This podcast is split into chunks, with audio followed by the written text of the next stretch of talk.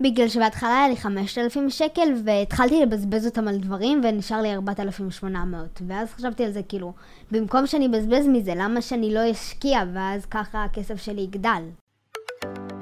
ברוכות הבאות וברוכים הבאים לפודקאסט משקיע תקרא לאחותך, הפודקאסט שישדרג את הכסף שלכם.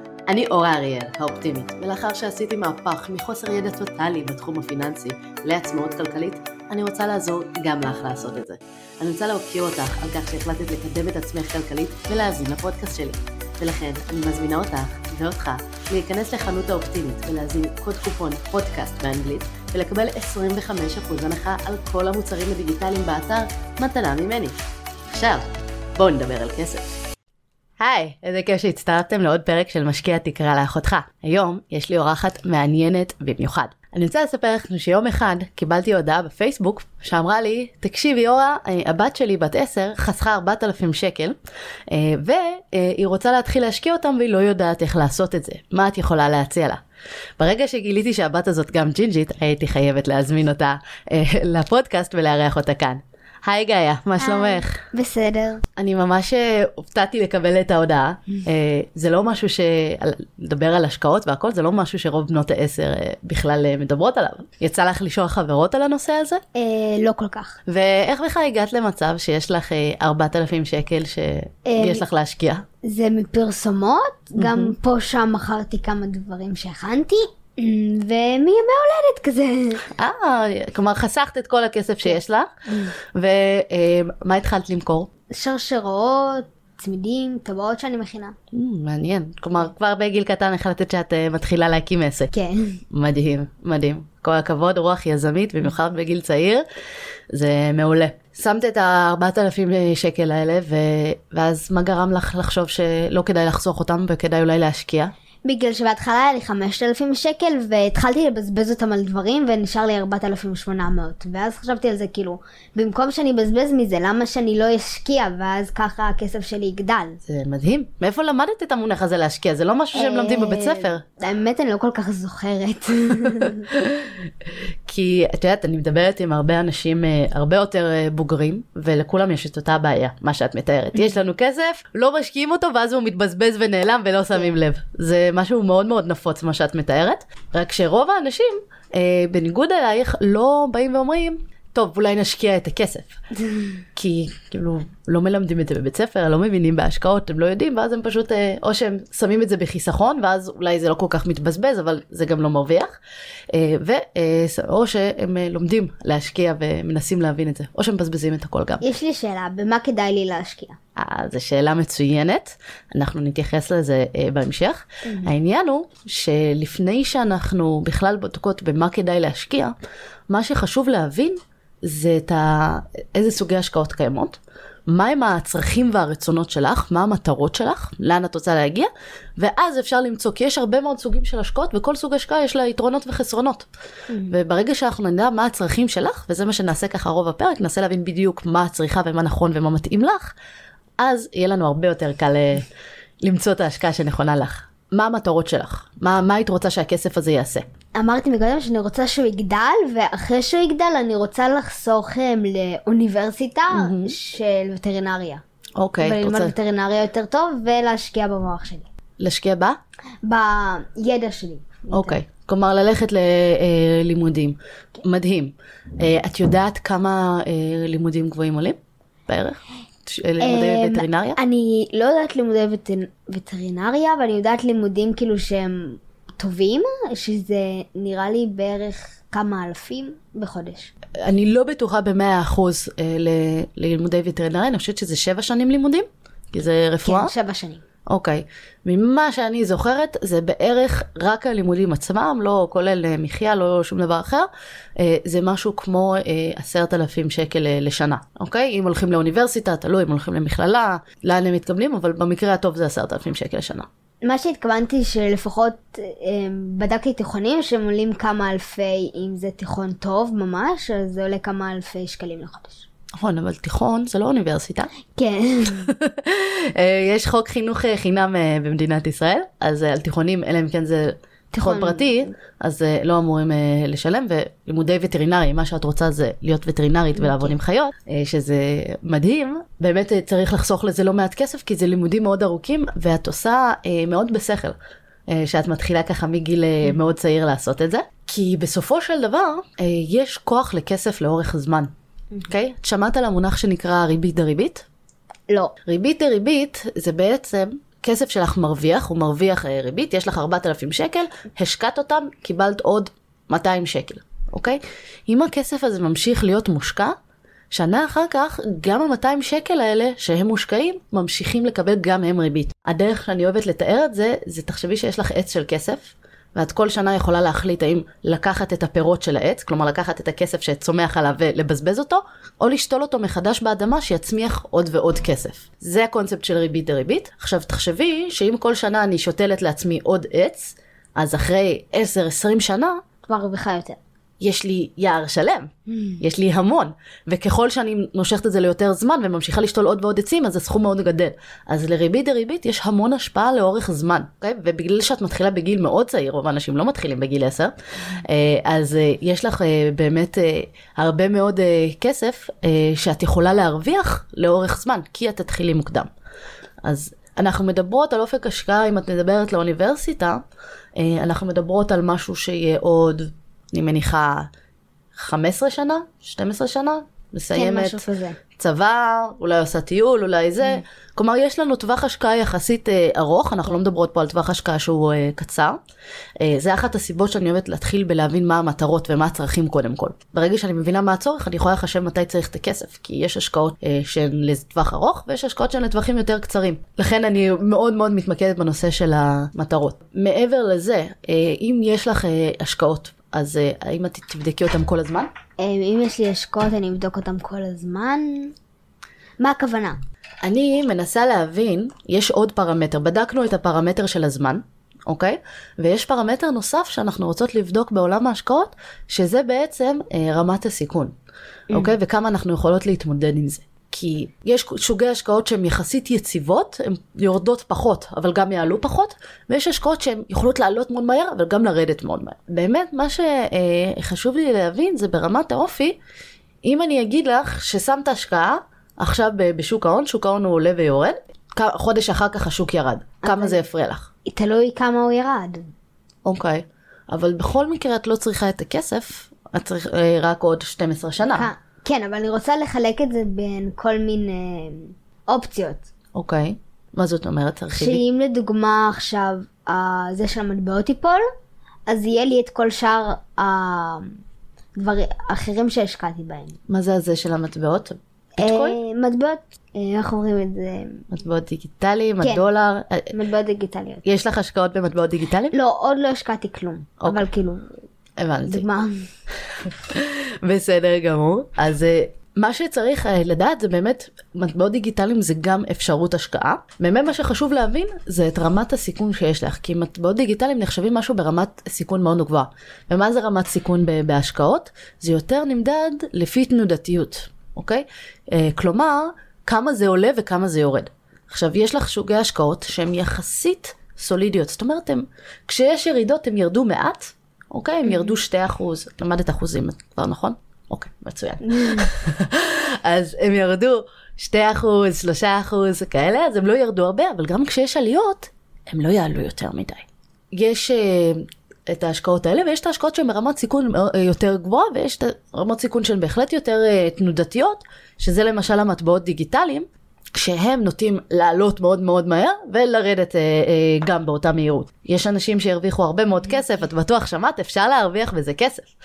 אבל אה, הבעיה היא באמת, רוב האנשים איפה הם מפסידים את הכסף? הבעיה היא הרבה פעמים בנו המשקיעים, כי הם באים לשים את, את הכסף ואז הוא יורד ואז הם מוכרים את זה בפאניק באה ואומרת אוקיי אם עשיתי את המחקר שלי ובדקתי וקניתי איזשהו מטבע דיגיטלי שאני מאמינה שעוד עשר שנים יהיה שווה יותר זה לא כל כך משנה שעכשיו הוא שווה קצת פחות. כן. עכשיו, מה את יודעת לגבי שוק ההון? אה, אני לא חושבת שאני יודעת בכלל משהו על זה. זה בסדר, אני חייבת להגיד לך שרוב המבוגרים, המבוגרים גם לא יודעים הרבה, אז uh, את, לא, את לא לבד, אבל מה את חושבת שזה? Um, שוק ההון, אני חושבת שזה אני כאילו ממש לא בטוחה במה שאני אומרת, אבל אופציות, אין לי מושג מה זה. אוקיי, אז בוא נדבר על מה זה שוק ההון.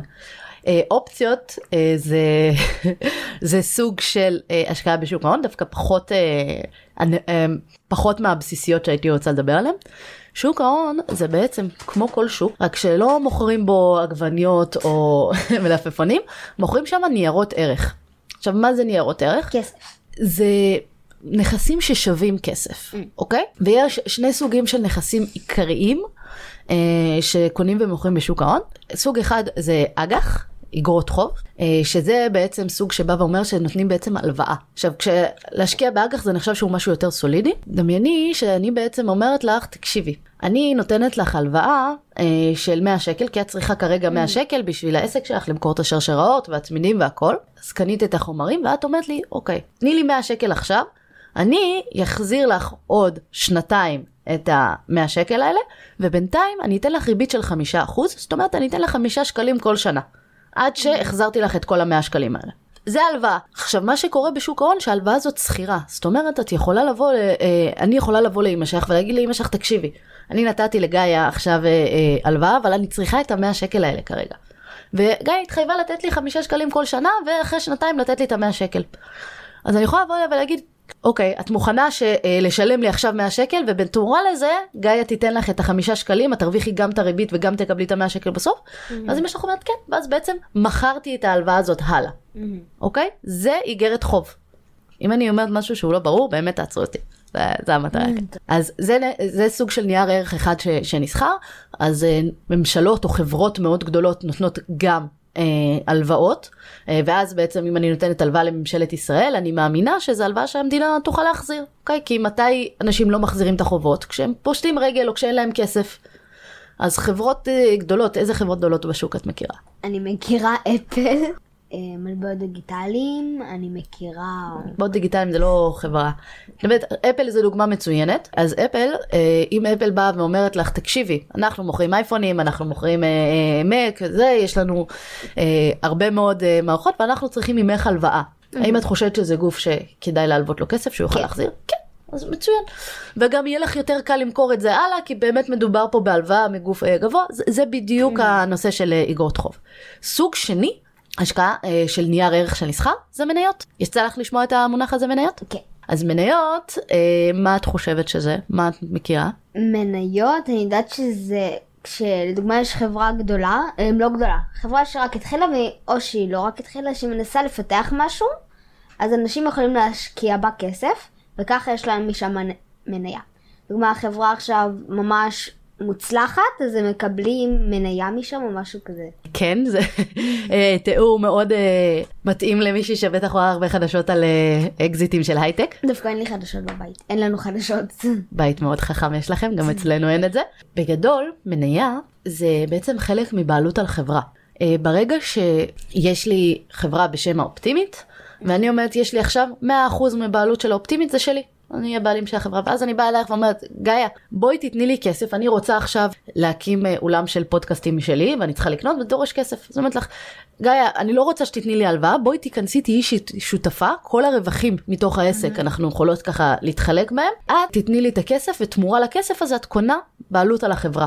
אוקיי ואז אנחנו שותפות חצי חצי. Mm-hmm. ואז חצי מהמניות של החברה הם שלי חצי מהמניות של החברה הם שלך. זה מה שזה באמת מניות. מה שקורה בשוק ההון זה שבעצם במקום לחלק את זה לשני חלקים חצי חצי מחלקים את זה להרבה מאוד חלקים קטנים זה ממש יכול להיות במיליונים של חלקים קטנים ואז כל אחד יכול לקנות לו חתיכה ואם קניתי מניה של חברת אפל אז אני בעצם חלק מהבעלים של חברת אפל. לא זה לא מצחיק זה, זה המציאות ואולי בחלקיק מאוד קטן כלומר אין לי ממש יכולת להשפיע יותר מדי כן אני יכולה להגיע למפגשים של משקיעים לבוא ולקבל אה, החלטות אבל כמובן התייחסו לזה ביחס לכמה אה, אה, מניות יש לי, וככל שיש לי יותר מניות, כוח ההצבעה שלי יותר גבוה. אבל אני בהחלט בתור בעלת מניות, גם אם יש לי מניה אחת, יכולה להגיע אה, למפגשים שעושים עם משקיעים, אה, ויכולה להצביע בהחלטות. Okay. ברגע שיש לי חלק מבעלות על חברה, וחברה זה משהו שמוכר מוצרים, שירותים, כמו שאת הקמת לעצמך איזשהו מיזם למכור את השרשראות, בהחלט זה משהו שאפשר למכור אותו ולקנות, יש לו איזשהו ערך ושווי. Mm. וזה שני סוגי הניירות ערך העיקריים שנסחרים בשוק ההון. אוקיי? יש גם אופציות, אני פחות רוצה להיכנס איתך למה אה, מה זה, כי זה ככה אולי קצת יותר חומר למתקדמים. יש לי שאלה. כן. במה לא כדאי לי להשקיע? לא כדאי לך להשקיע אה, בשום דבר שאת לא תרגישי איתו טוב. מה זאת אומרת? זאת אומרת שאם החלטת שאת רוצה לקנות ביטקוין, שאני לא חושבת שזה רעיון רע עבורך, אבל בואי נניח ש... אה, שאת לוקחת חלק מהכסף ואת אה, קונה אה, ביטקוין, כמה ימים אחר כך יש עכשיו נפילה בביטקוין והוא יורד, קנית ב... לא יודעת מה, ב-2,000 שקל ועכשיו הוא שווה 1,000 שקל. וזה משהו שקורה לא מעט בעולם של הביטקוין, כלומר זה משהו שמאוד סביר שיקרה. איך את תרגישי? מאוכזב. השאלה היא כמה זה ישפיע עלייך. כלומר, האם לא תוכלי לישון בלילה, או, שתוכלי, או שתגידי, די, אני מוכרת את הכל, אני יוצאת, שתגידי, אני צריכה את הכסף הזה עוד 12 שנים, אני נכנסתי לזה כי אני עשיתי את כל הבדיקות, ואני מניחה שביטקוין יהיה שווה יותר עוד 10 שנים. את האופציה השלישית. האופציה השלישית. כלומר, את תוכלי לישון טוב בלילה עם זה. אה, אז זה באמת אה, אה, מה, אחד מהדברים החשובים גם כשאנחנו בוחרות איזה סוג השקעה, זה באמת להתאים לנו את רמת הסיכון. ואם את באמת חושבת שאת תוכלי להתמודד, כלומר את גם לא תיכנסי כל יום לבדוק מה השווי של ביטקוין ומה, אם זה עלה וזה ירד, ואת אומרת אוקיי זה משהו שאני שמה אותו לטווח הארוך, אז זה מצוין. עכשיו אני רוצה לשאול אותך שאלה נוספת. אם את יודעת שיש לך כבר כספים בשוק ההון, את כבר משקיעה? לא. בטוחה. כן? אז אני רוצה לגלות לך שדווקא יש לך. יש לך אה, מעל 4,000 שקל שמושקעים בשוק ההון. על שמך, את יודעת את זה? אין לי מושג מה זה. אז uh, אני ביקשתי ממש שלך uh, לבדוק לנו את, uh, את זה לפני השיחה, ויש משהו שנקרא חיסכון לכל ילד. חיסכון לכל ילד זה המדינה באה ושמה 50 שקל כל חודש עבור ילדים uh, עד גיל 18. ההורים יכולים להוסיף 50 שקל, לא להוסיף, תלוי במה שהם בחרו, ובינתיים הכסף הזה מושקע בשוק ההון. כלומר יש מישהו אחר שמנהל את זה, הוא בוחר איזה מניות אה, ואיזה אגרות חוב לקנות. אצלך גם ביררתי בדיוק איזה מסלול ואת נמצאת במסלול שהוא מסלול שהוא יותר מנייתי, שזה מסלול שנקרא סיכון גבוה. אה, ומקודם כשסיפרתי לך מה זה אג"ח ומניות, אז אג"ח זה נחשב להרבה יותר סולידי, כלומר יורד מעט אבל גם עולה מעט, ומניות נחשב ליותר אה, סיכון יותר גבוה, יורד יותר אבל גם עולה יותר. אוקיי? בשנים mm. האחרונות זה עשה רווחים מאוד גבוהים, תחשבי שדובר על 50 שקל בחודש היה, ועכשיו... 4,000. אה, ו-4,000. וזה גם בא להראות לך כמה חיסכון קטן יכול להצטבר לאורך זמן, שזה בעיניי משהו שהוא מאוד uh, מדהים. כן. אה, וגם להראות שגם אם לא ידעת את זה יש לך כבר כסף שהוא מושקע בשוק ההון את יכולה לבקש ממא שלך להיכנס לבדוק לראות בחברה אה, שולחים פעם ברבעון דוחות להראות לך מה קורה עם הכסף לכל אחד יש כזה? לכל אה, ילד מתחת לגיל 18 במדינת ישראל כן. ויש לי שאלה מאיזה גיל מותר להשקיע מאפס כאילו משנה? יש המון הורים והמון סבים וסבתות וכאלה שפותחים חשבונות השקעה לילדים שלהם מגיל אפס מהרגע שהם נולדים עושים להם איזשהו חשבון השקעות. שוב, המדינה פותחת לכל ילד גם אה, קופת, אה, קופת גמל זה נקרא מכשיר ההשקעה הזה. אה, כן. אה, שזה בעצם אומר שיש מנהל השקעות או מנהלת השקעות, לוקחים את כל הכסף של כולם, משקיעים את זה ביחד וכל אחד מקבל את החלק שלו. Okay? אוקיי? נותנים לאנשי מקצוע לנהל את הכסף שלנו בשוק ההון, כי לרוב הילדים ברגע שהם נולדים אין הרבה מושג בשוק ההון. אם אנחנו מתחילות לחשב לקראת המטרה שלך, יש לנו כבר כמעט 8,000 שקל לשם.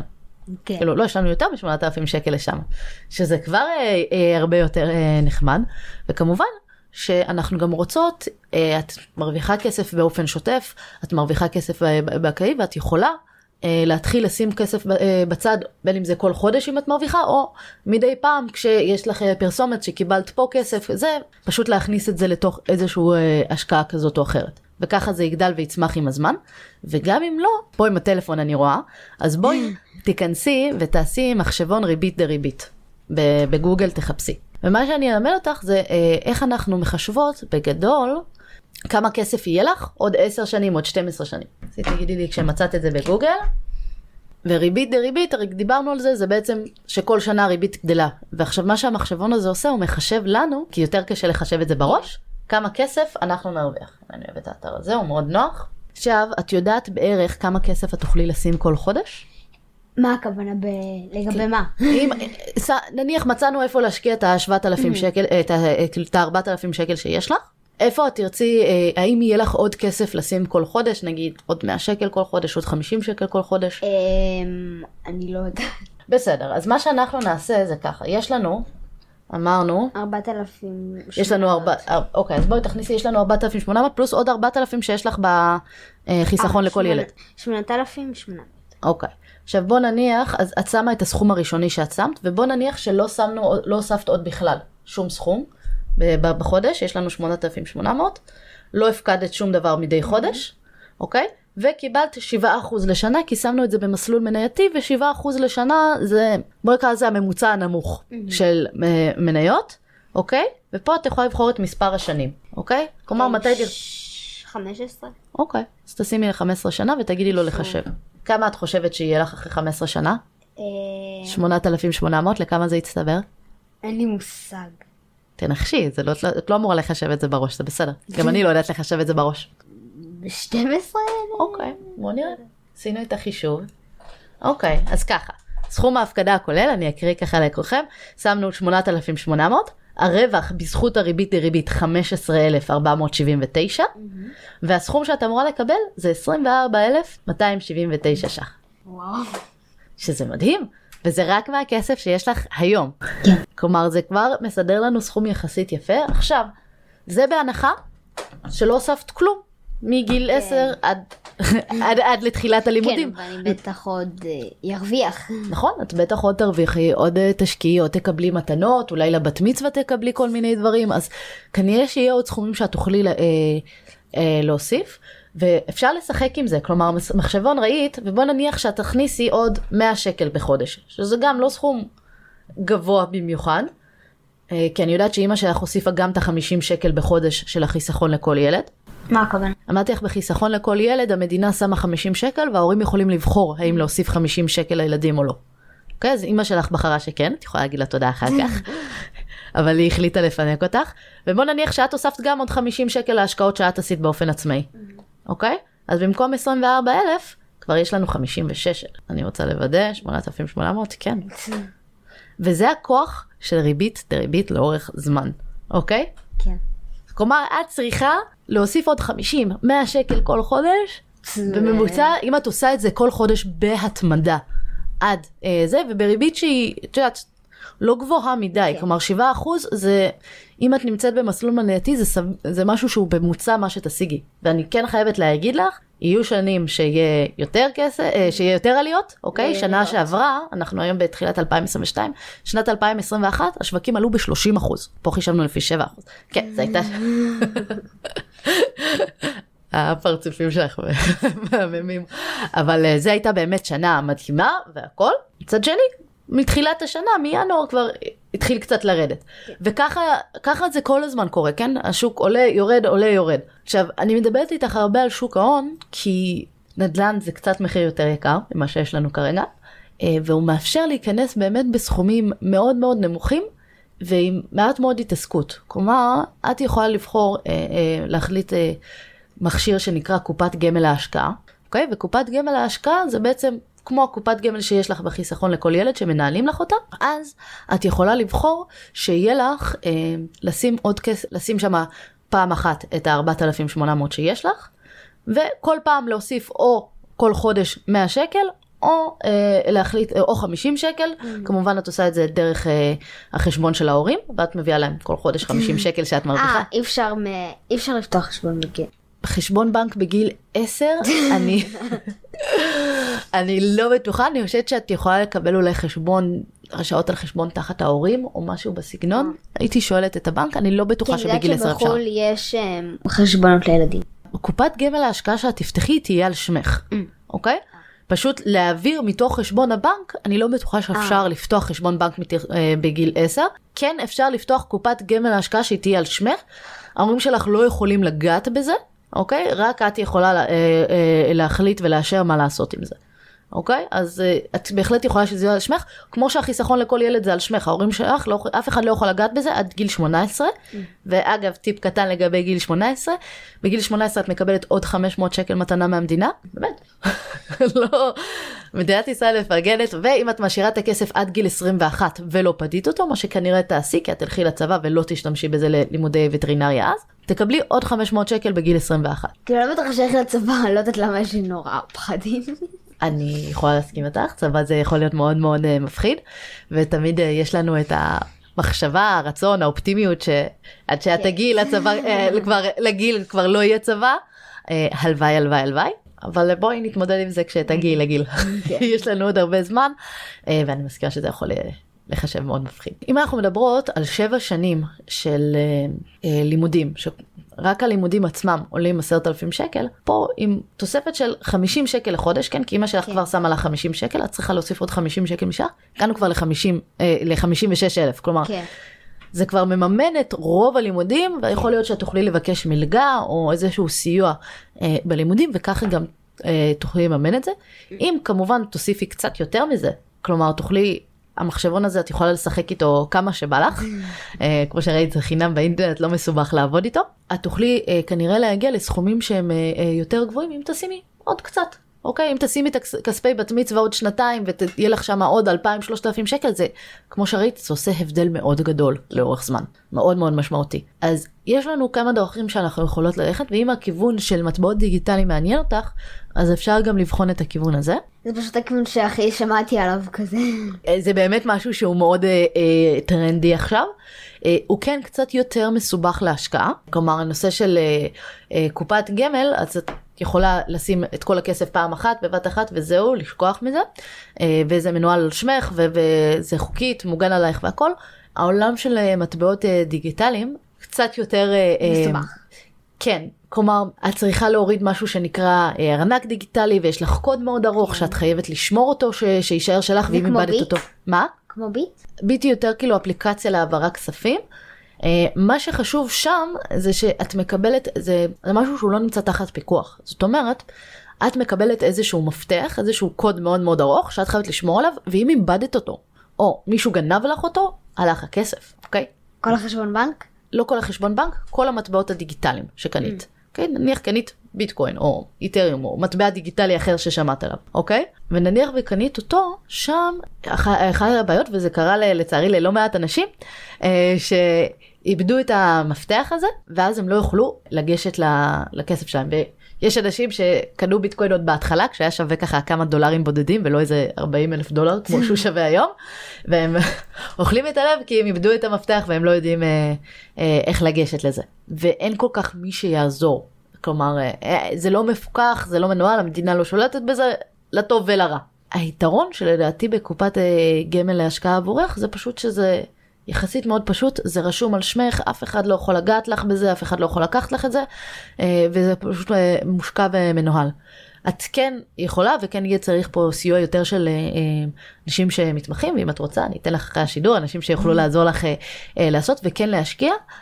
אני לא בטוחה אם הייתי שמה שמה את הכל אבל. כן. כלומר הייתי אולי מחלקת את זה חלק פה חלק שם אבל כן אני חושבת שהמכשיר של קופת גמל להשקעה שהוא כן מישהו אחר מנהל לך את הכסף את כן יכולה לקחת את זה בכל רגע נתון והוא משקיע בצורה שהיא מפוקחת אה, ברשומה חוקית על שמך אה, יכול להיות מאוד אה, אפיק מתאים עבורך ועבור הצרכים שלך. עכשיו בואי נדבר קצת על המסלולים. אוקיי כשאת באה לבחור קופת גמל להשקעה שואלים אותך אוקיי גאיה איזה כיף פתחת בואי תשימי תנו לי את הכסף אה, כמה אה, איזה מסלול השקעה את רוצה זוכרת מה דיברנו שיש בשוק ההון אג"ח כן. ומניות מה מה את חושבת שעדיף עבורך אג"ח. כן או לא, אני לא בטוחה אם אג"ח. מניות? מניות. למה שמעתי להם הרבה יותר מאג"ח. אוקיי אז עוד משהו שחשוב להבין לגבי השקעות כדאי מאוד להבין במה שאנחנו משקיעים אמרתי היום את כבר משקיעה בשוק ההון בין אם את רוצה או לא ופשוט המדינה מנהלת את זה עבורך אגב ההורים שלך בחרו במסלול מניות לחיסכון לכל ילד שלך אז uh, בהחלט uh, זה משהו שיש בו הרבה מאוד היגיון כי שוק ההון הוא עולה ויורד, עולה ויורד, אבל בטווח הכללי הוא, הוא עולה, אוקיי? באופן כללי אפשר גם להגיע אה, את אותו דבר על אה, ביטקוין או איתריום או המטבעות הגדולים יותר, עליהם פשוט יש פחות היסטוריה, כי זה משהו שהוא יחסית חדש. שוק ההון הסתכלו עליו ככה במשך 200 שנה, וברוב המקומות הוא עלה, ירד, עלה, ירד, עלה, ירד, אבל שזה בטווח הקצר, וכשאנחנו מדברות לטווח הארוך, אז הוא הרבה יותר עולה. אם אני יודעת שבטווח הארוך הוא עולה, אני ארצה את האפיק השקעה שהוא יותר אה, עולה כשיש עליות. שזה מניות או אגרות חוב. מניות. נכון. מניות אמרתי, הן נחשבות בסיכון יותר גבוה, אבל האמת היא, שזה מה שהרבה אנשים לא תמיד אה, אה, יודעים, שכשאנחנו מדברות לטווח ארוך, דווקא המניות הרבה יותר משתלם והסיכוי אה, להפסיד בהם פחות משתלם. אז כשאת צריכה לבחור את, ה, את המסלול, בגלל שאת מאוד צעירה ובגלל שעדיין לא מדובר פה במאות אלפי שקלים, מדובר פה עדיין בסכומים שהם יחסית עוד קטנים, כן יש היגיון בשבילך לקחת את הסיכון הגבוה, כי שוב, בטווח הארוך, סטטיסטית, היסטורית, מה שההיסטוריה מלמדת אותנו, השווקים כנראה שהם יעלו. אה, ולכן אני חושבת, אה, שאני מבינה את המצב ואת הצרכים שלך, שזה מה שיכול להתאים. את יכולה גם להחליט חלק מזה לשים על מטבעות דיגיטליים. ויש לי שאלה, איזה מניות כדאי לדוגמה, מניות של בגדים, טכנולוגיה, כאילו... אז uh, המוצר של קופת גמל להשקעה זה בעצם uh, מוצר שבו את, את לא בוחרת את המניות באופן עצ... בעצמך, את בוחרת מסלול. כלומר שואלים אותך, אוקיי, אנחנו הולכים לקחת את הכסף שלך ולנהל אותו ולהשקיע אותו בשוק ההון בשבילך, רק תגידי לנו אם את רוצה יותר מניות או יותר סולידי ויותר אגרות חוב. את יכולה, אם את רוצה, להתחיל ללמוד על עולם ההשקעות. כן, ואתה כאילו... זה לבד או שאתה לוקח, משלם לאנשים האלה שעושים לך? ברור שמשלמים, לא עובדים בחינם.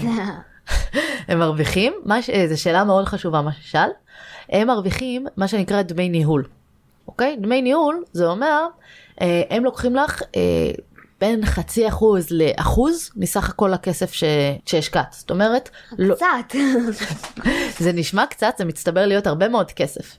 כי אם תיכנסי נגיד עכשיו למחשבון אה, ריבית דריבית ובמקום 7% תעשי 6.5% כי חצי אחוז הם mm-hmm. לקחו לך כל שנה, אז את תראי שזה מצטבר להיות הרבה מאוד. כן רצוי לבדוק את הדמי ניהול, כן רצוי להתמקח עליהם וללכת לחברה שנותן לך את הדמי ניהול היותר טובים. Mm-hmm. אז אה, זה בהחלט אה, מוצר ש... שאלה שהיא מאוד חשובה, כי שוב, הם עובדים בשבילך, הם משקיעים את, את הכסף בשבילך. עכשיו, אם את רוצה ללמוד על איך לבחור מניות ספציפיות, זה ככה כבר יותר משיחה אחת. הלוואי והיה אפשר ללמד את זה בצורה אחת. אבל אה, באופן כללי, יש כמה סוגים של מניות. אני מאוד אוהבת להתמקד במניות אה, ערך או אה, מניות צמיחה. שמניות ערך זה חברות גדולות כמו למשל חברת אפל שהיא מאוד גדולה והיא כבר יש, מוכרת הרבה והיא מאוד מוכרת למרות שספציפית אפל לא כל כך דוגמה טובה לנושא הזה אבל בוא ניקח אה, סופרמרקט. מה אוקיי? שאת ממליצה לי זה להשקיע ב... גמל? לא. קופת גמל להשקעה, גמל זה טוב, תזכרי גמל זה טוב. אני, אני חושבת שעבורך יהיה נכון להשקיע בקופת אה, גמל להשקעה כי הכסף שם את תמיד יכולה להוציא אותו מתי שתרצי. ואת תמיד יכולה להוסיף או באופן קבוע את יכולה לעשות הוראת קבע מה שנקרא שכל חודש ירד מהחשבון של ההורים 50 שקל ואת תוסיפי 50 שקל בעצמך תביאי להורים 50 שקל בעצמך. Mm-hmm. או שאת יכולה כל פעם כשאת מקבלת כסף, קיבלת פה 200 שקל, פה 300 שקל, לתת להורים, להגיד להם, תעשו העברה אה, לקופת גמל שלי. ואז זה יגדל ויצמח. כלומר, את mm. יכולה כל פעם לעשות את זה גם באופן קבוע וגם חד פעמי כל פעם כשיש לך כסף להעביר, אז זה מאוד נוח בהקשר הזה. רק צריך לעשות את זה דרך ההורים. ואמרת משהו על סופרמרקט? כן, אמרתי למשל, תחשבי על אה, רמי לוי, אוקיי? רשת סופרים, את מכירה אני מניחה, או שופרסל, לא משנה. הם גם מאוד גדולים, הם, מרוויר, הם חברות שהן אה, רווחיות, עכשיו, אבל ה, כמה שהן יכולות לצמוח, זה לא הרבה. אין להם הרבה לאן לגדול, כן? הן יכולות לפתוח פה עוד קצת סניף, פה עוד זה, אבל כלומר יש להם המון ערך, הם כנראה גם לא, אם יהיה משבר כלכלי או משהו, הם לא יפלו יותר מדי, כי הן חברות חזקות ומבוססות וכל הישראלים קונים שם, איזה עוד ברירות יש לנו, אז אה, אה, אין חברות שהן בעצם אה, נקראות חברות ערך, לעומת זאת יש חברות צמיחה שזה יותר uh, סטארט-אפים, חברות uh, טכנולוגיה שפתאום uh, הם המציאו איזה מוצר חדש וכולם קונים את זה ומתחילים להשתמש בתוכנה שלהם או במשחק שלהם או לא מש... הוציאו אפליקציה וכולם הולכים. אז זה חברות שאולי הן לא מרוויחות הרבה כסף בהתחלה, אבל יש להם פוטנציאל, יש להם עתיד הרבה יותר טוב. ויש דרך אחרת להשקיע, שהיא נקראת מדדים. צריך לשמוע על תל אביב 25, תל אביב 135, לא, לא שמעת מונחים האלה. זה בעצם בא ואומר, אני יודעת אה, שלהשקיע במניות זה טוב, אוקיי? עשיתי את השיחה עם אורה, הבנו שעשיתי שלהשקיע במניות זה אחלה. ואני אה, אבל לא יודעת לבחור מניה ספציפית. אני לא יודעת אם עדיף לי לקנות מניה של רמי לוי או של שופרסל. ואז את יכולה לבוא להגיד, אני יכולה להשקיע במשהו שנקרא מדד, נניח תל אביב 25 או תל אביב, אה, תל אביב 35 או תל אביב 125, שזה בעצם, את יכולה להשקיע ב-35 החברות הכי גדולות בבורסה הישראלית, או 125 החברות הכי גדולות בבורסה הישראלית. יש מדד אחר שנקרא S&P 500, שזה 500 החברות הכי גדולות בשוק האמריקאי. ואז בעצם ככה את קנית את זה, ואז את לא צריכה להתלבט עם הסכום כסף שיש לך, כי עם סכומים קטנים את לא תוכלי לקנות כל כך הרבה חברות ולעשות פיזור. אז את יכולה לקנות את המדד הזה של S&P 500, וככה קנית גם חלק מגוגל, פייסבוק, אפל, כל החברות האלה. גם יש לך איזשהו חלק בהם ואת גם אה, חשופה להשקעה הזאת. זה אה, כיוון שהרבה מאוד הולכים אליו. אגב, כשאת בוחרת מסלולים בקופת גמל להשקעה, בחלק מהקופות, את גם יכולה לח... אה, לבחור מסלול שהוא עוקב אחרי מדד. זאת אומרת, את יכולה לבחור מסלול S&P 500 או מסלול תל אביב 35. יש חברות שמאפשרות את זה, אוקיי? אז זה באמת תלוי בבחירת המסלול, או שאת יכולה לפתוח תיק השקעות ולעשות את זה לבד, אבל בסכומים האלה זה עוד אה, טיפה יותר מאתגר, זה לא כל כך פשוט, אה, וגם אז ההורים צריכים לפתוח ואת צריכה לנהל את זה לבד. כמו שאני ראיתי את הלו"ז שלך, כמה זמן שלקח לנו לפגוע את הפגישה, זה לא משהו שיש לך את הזמן להתעסק בו בשוטף, שזה גם עוד פרמטר שחשוב להסתכל עליו כשאנחנו באות להשקיע. כי יש השקעות שדורשות מאיתנו הרבה יותר התעסקות, ויש השקעות שדורשות מאיתנו פחות. כי ברגע שאני נותנת למישהו אחר לנהל את ההשקעה, שמתי את הכסף, זהו, אני לא נוגעת בזה יותר. ברגע שאני מנהלת את זה, אז אני צריכה להיות יותר על ההשקעה. ואני צריכה באמת לבוא, ואני אה, צריכה כל פעם לבחור מתי לקנות, מתי למכור. צריכה יותר לעקוב אחרי השוק ולהתעסק בזה קצת יותר. מה היית רוצה לשאול? אני חושבת שעניתי על כל השאלות, אני שנייה אחשוב רגע. אז כדאי לי להשקיע בקופת גמל. כן, קופת גמל להשקעה זה נקרא, אני אדבר גם עם אמא שלך. אה, אני אגיד לה שזה מה שהחלטנו. אה, אני כן הייתי ממליצה לך לקרוא קצת, אולי לשמוע פודקאסטים על כל העולם של מטבעות דיגיטליים mm-hmm. וביטקוין ואיך להשקיע בזה, ואולי גם לשים חלק מהכסף שם, אוקיי? אני כן אומרת, זה כן השקעה שנחשבת בסיכון יותר גבוה. Uh, וזה כן משהו שצריך קצת יותר בלהבין איך לעשות את זה, אבל אם את לומדת ומשקיעה ומבינה איך לעשות את זה כמו שצריך, ובאמת דואגת לשמור על המפתח שיש לך, ומבקשת מההורים, ושומרת את זה במקום שהוא uh, מאובטח ושלא תאבדי את זה, וגם שזה לא יהיה על המחשב שלו, מישהו יכול לפרוץ לך המחשב ולגנוב את זה, כן. כי זה גם לצערי יכול לקרות, זה בהחלט משהו שאת יכולה לעשות, אבל כן אני מאוד ממליצה ללמוד את התחום קצת יותר לפני כן, כי בקופת גמל ההשקעה יתרון זה שיש לך אנשי מקצוע שהם מנהלים לך את הכסף והם מתעסקים בזה. מטבעות דיגיטליים זה את מתעסקת לבד.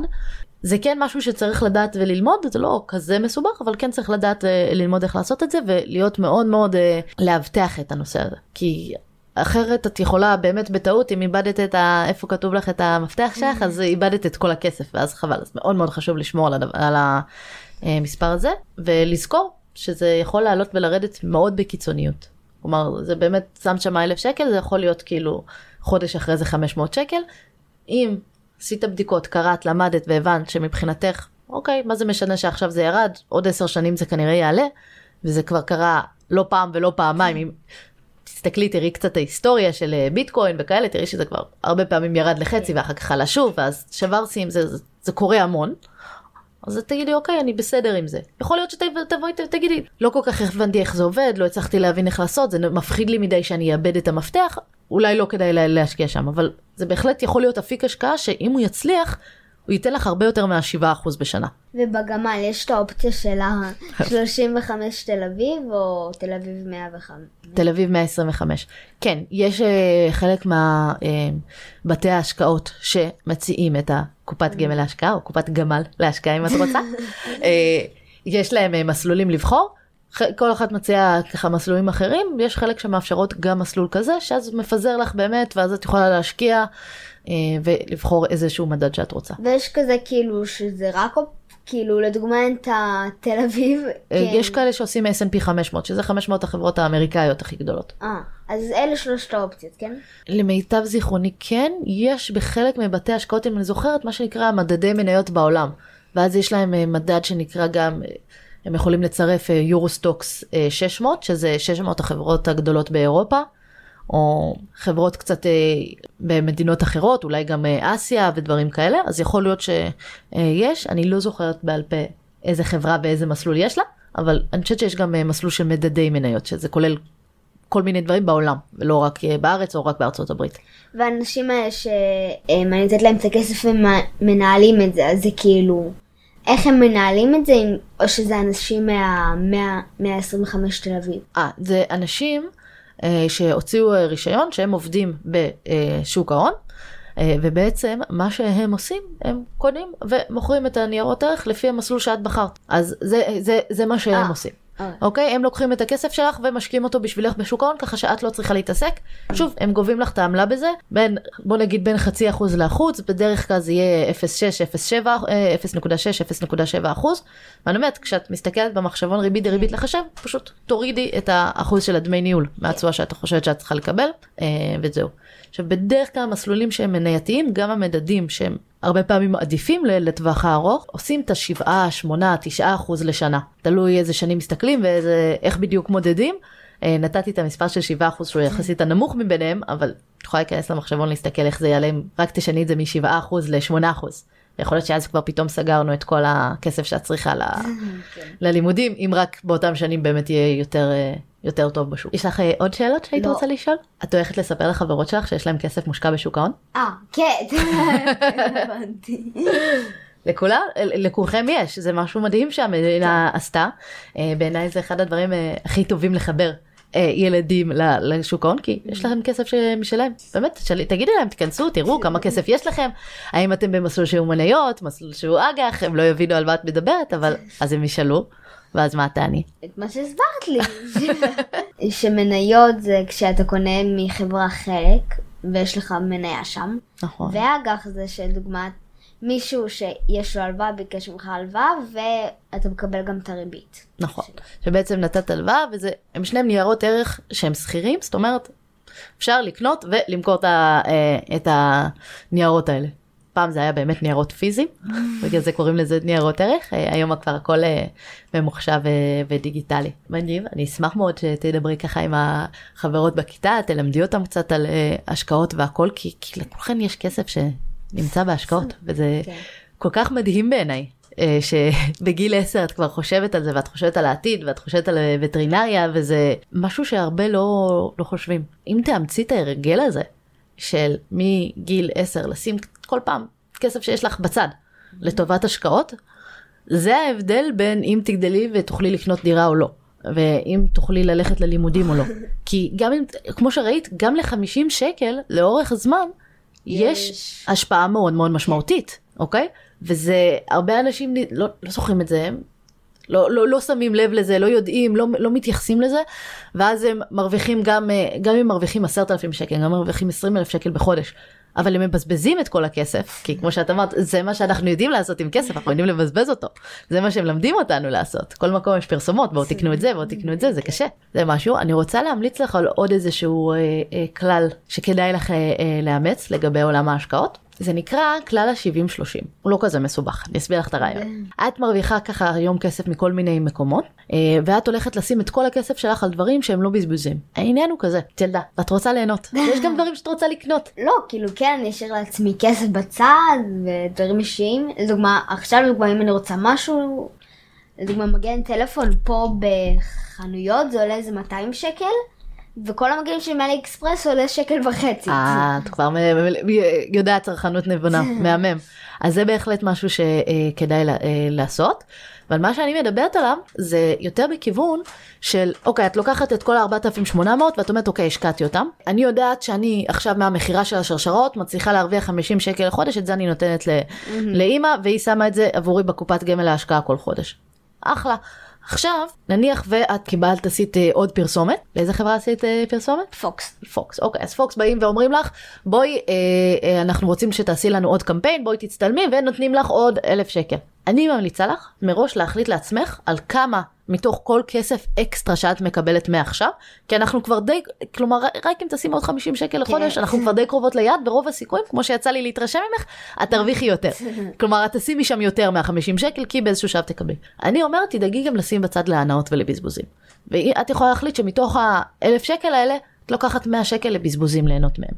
ואת ה-900 את מפקידה לתוך ההשקעות. כלומר, תחליטי מראש שמכל סכום אקסטרה שמגיע עכשיו, אוקיי? את אה, מחליטה מראש כמה את שמה בצד בשביל הדברים הכיפים שלך, וכמה את שמה בצד בשביל החלום שלך ללכת לווטרינריה, כן. כי לימודים, יש את העלות של הלימודים, זה נכון, אבל יש גם מחיה תוך כדי. אז uh, אני מאוד ממליצה לכלל הזה, הכלל של ה-70-30 בא ואומר, תקחי כאילו 70% להשקעות, 30% ליהנות ממנה. זאת אומרת, הרווחת 100 שקל, 70 שקל להשקעה, 30 להשקעות. כן. תבחרי את היחס שמתאים לך, זה יכול להיות חצי חצי, זה יכול להיות כל דבר, כי את גם יחסית קרובה ליעד. וגם כשדיברנו פעם קודמת אמרת לי יעד אחר, אמרת לי שאת רוצה קורקינט, נכון? אה, סקייטבורד כבר סקייטבורד. קניתי. אה, כבר קנית. כאילו, אני מתחלקת עם ההורים. אה, בקיצור, עולה 500 ואנחנו מתחלקים חצי חצי. אוקיי, מהמם. אז אני אומרת, כן חשוב שתיקחי חלק מהכסף הזה גם לבזבוזים וגם להנאות, כי בסוף את תגיעי למצב שאת עובדת הרבה ואת עושה המון דברים, ואת רוצה גם קצת ליהנות, ואת אומרת, לא, אני אחסוך את הכל, זה, אי אפשר להתמיד בזה לאורך זמן. ואת ראית כמה הכוח של ההתמדה לאורך זמן מאוד מאוד חשוב.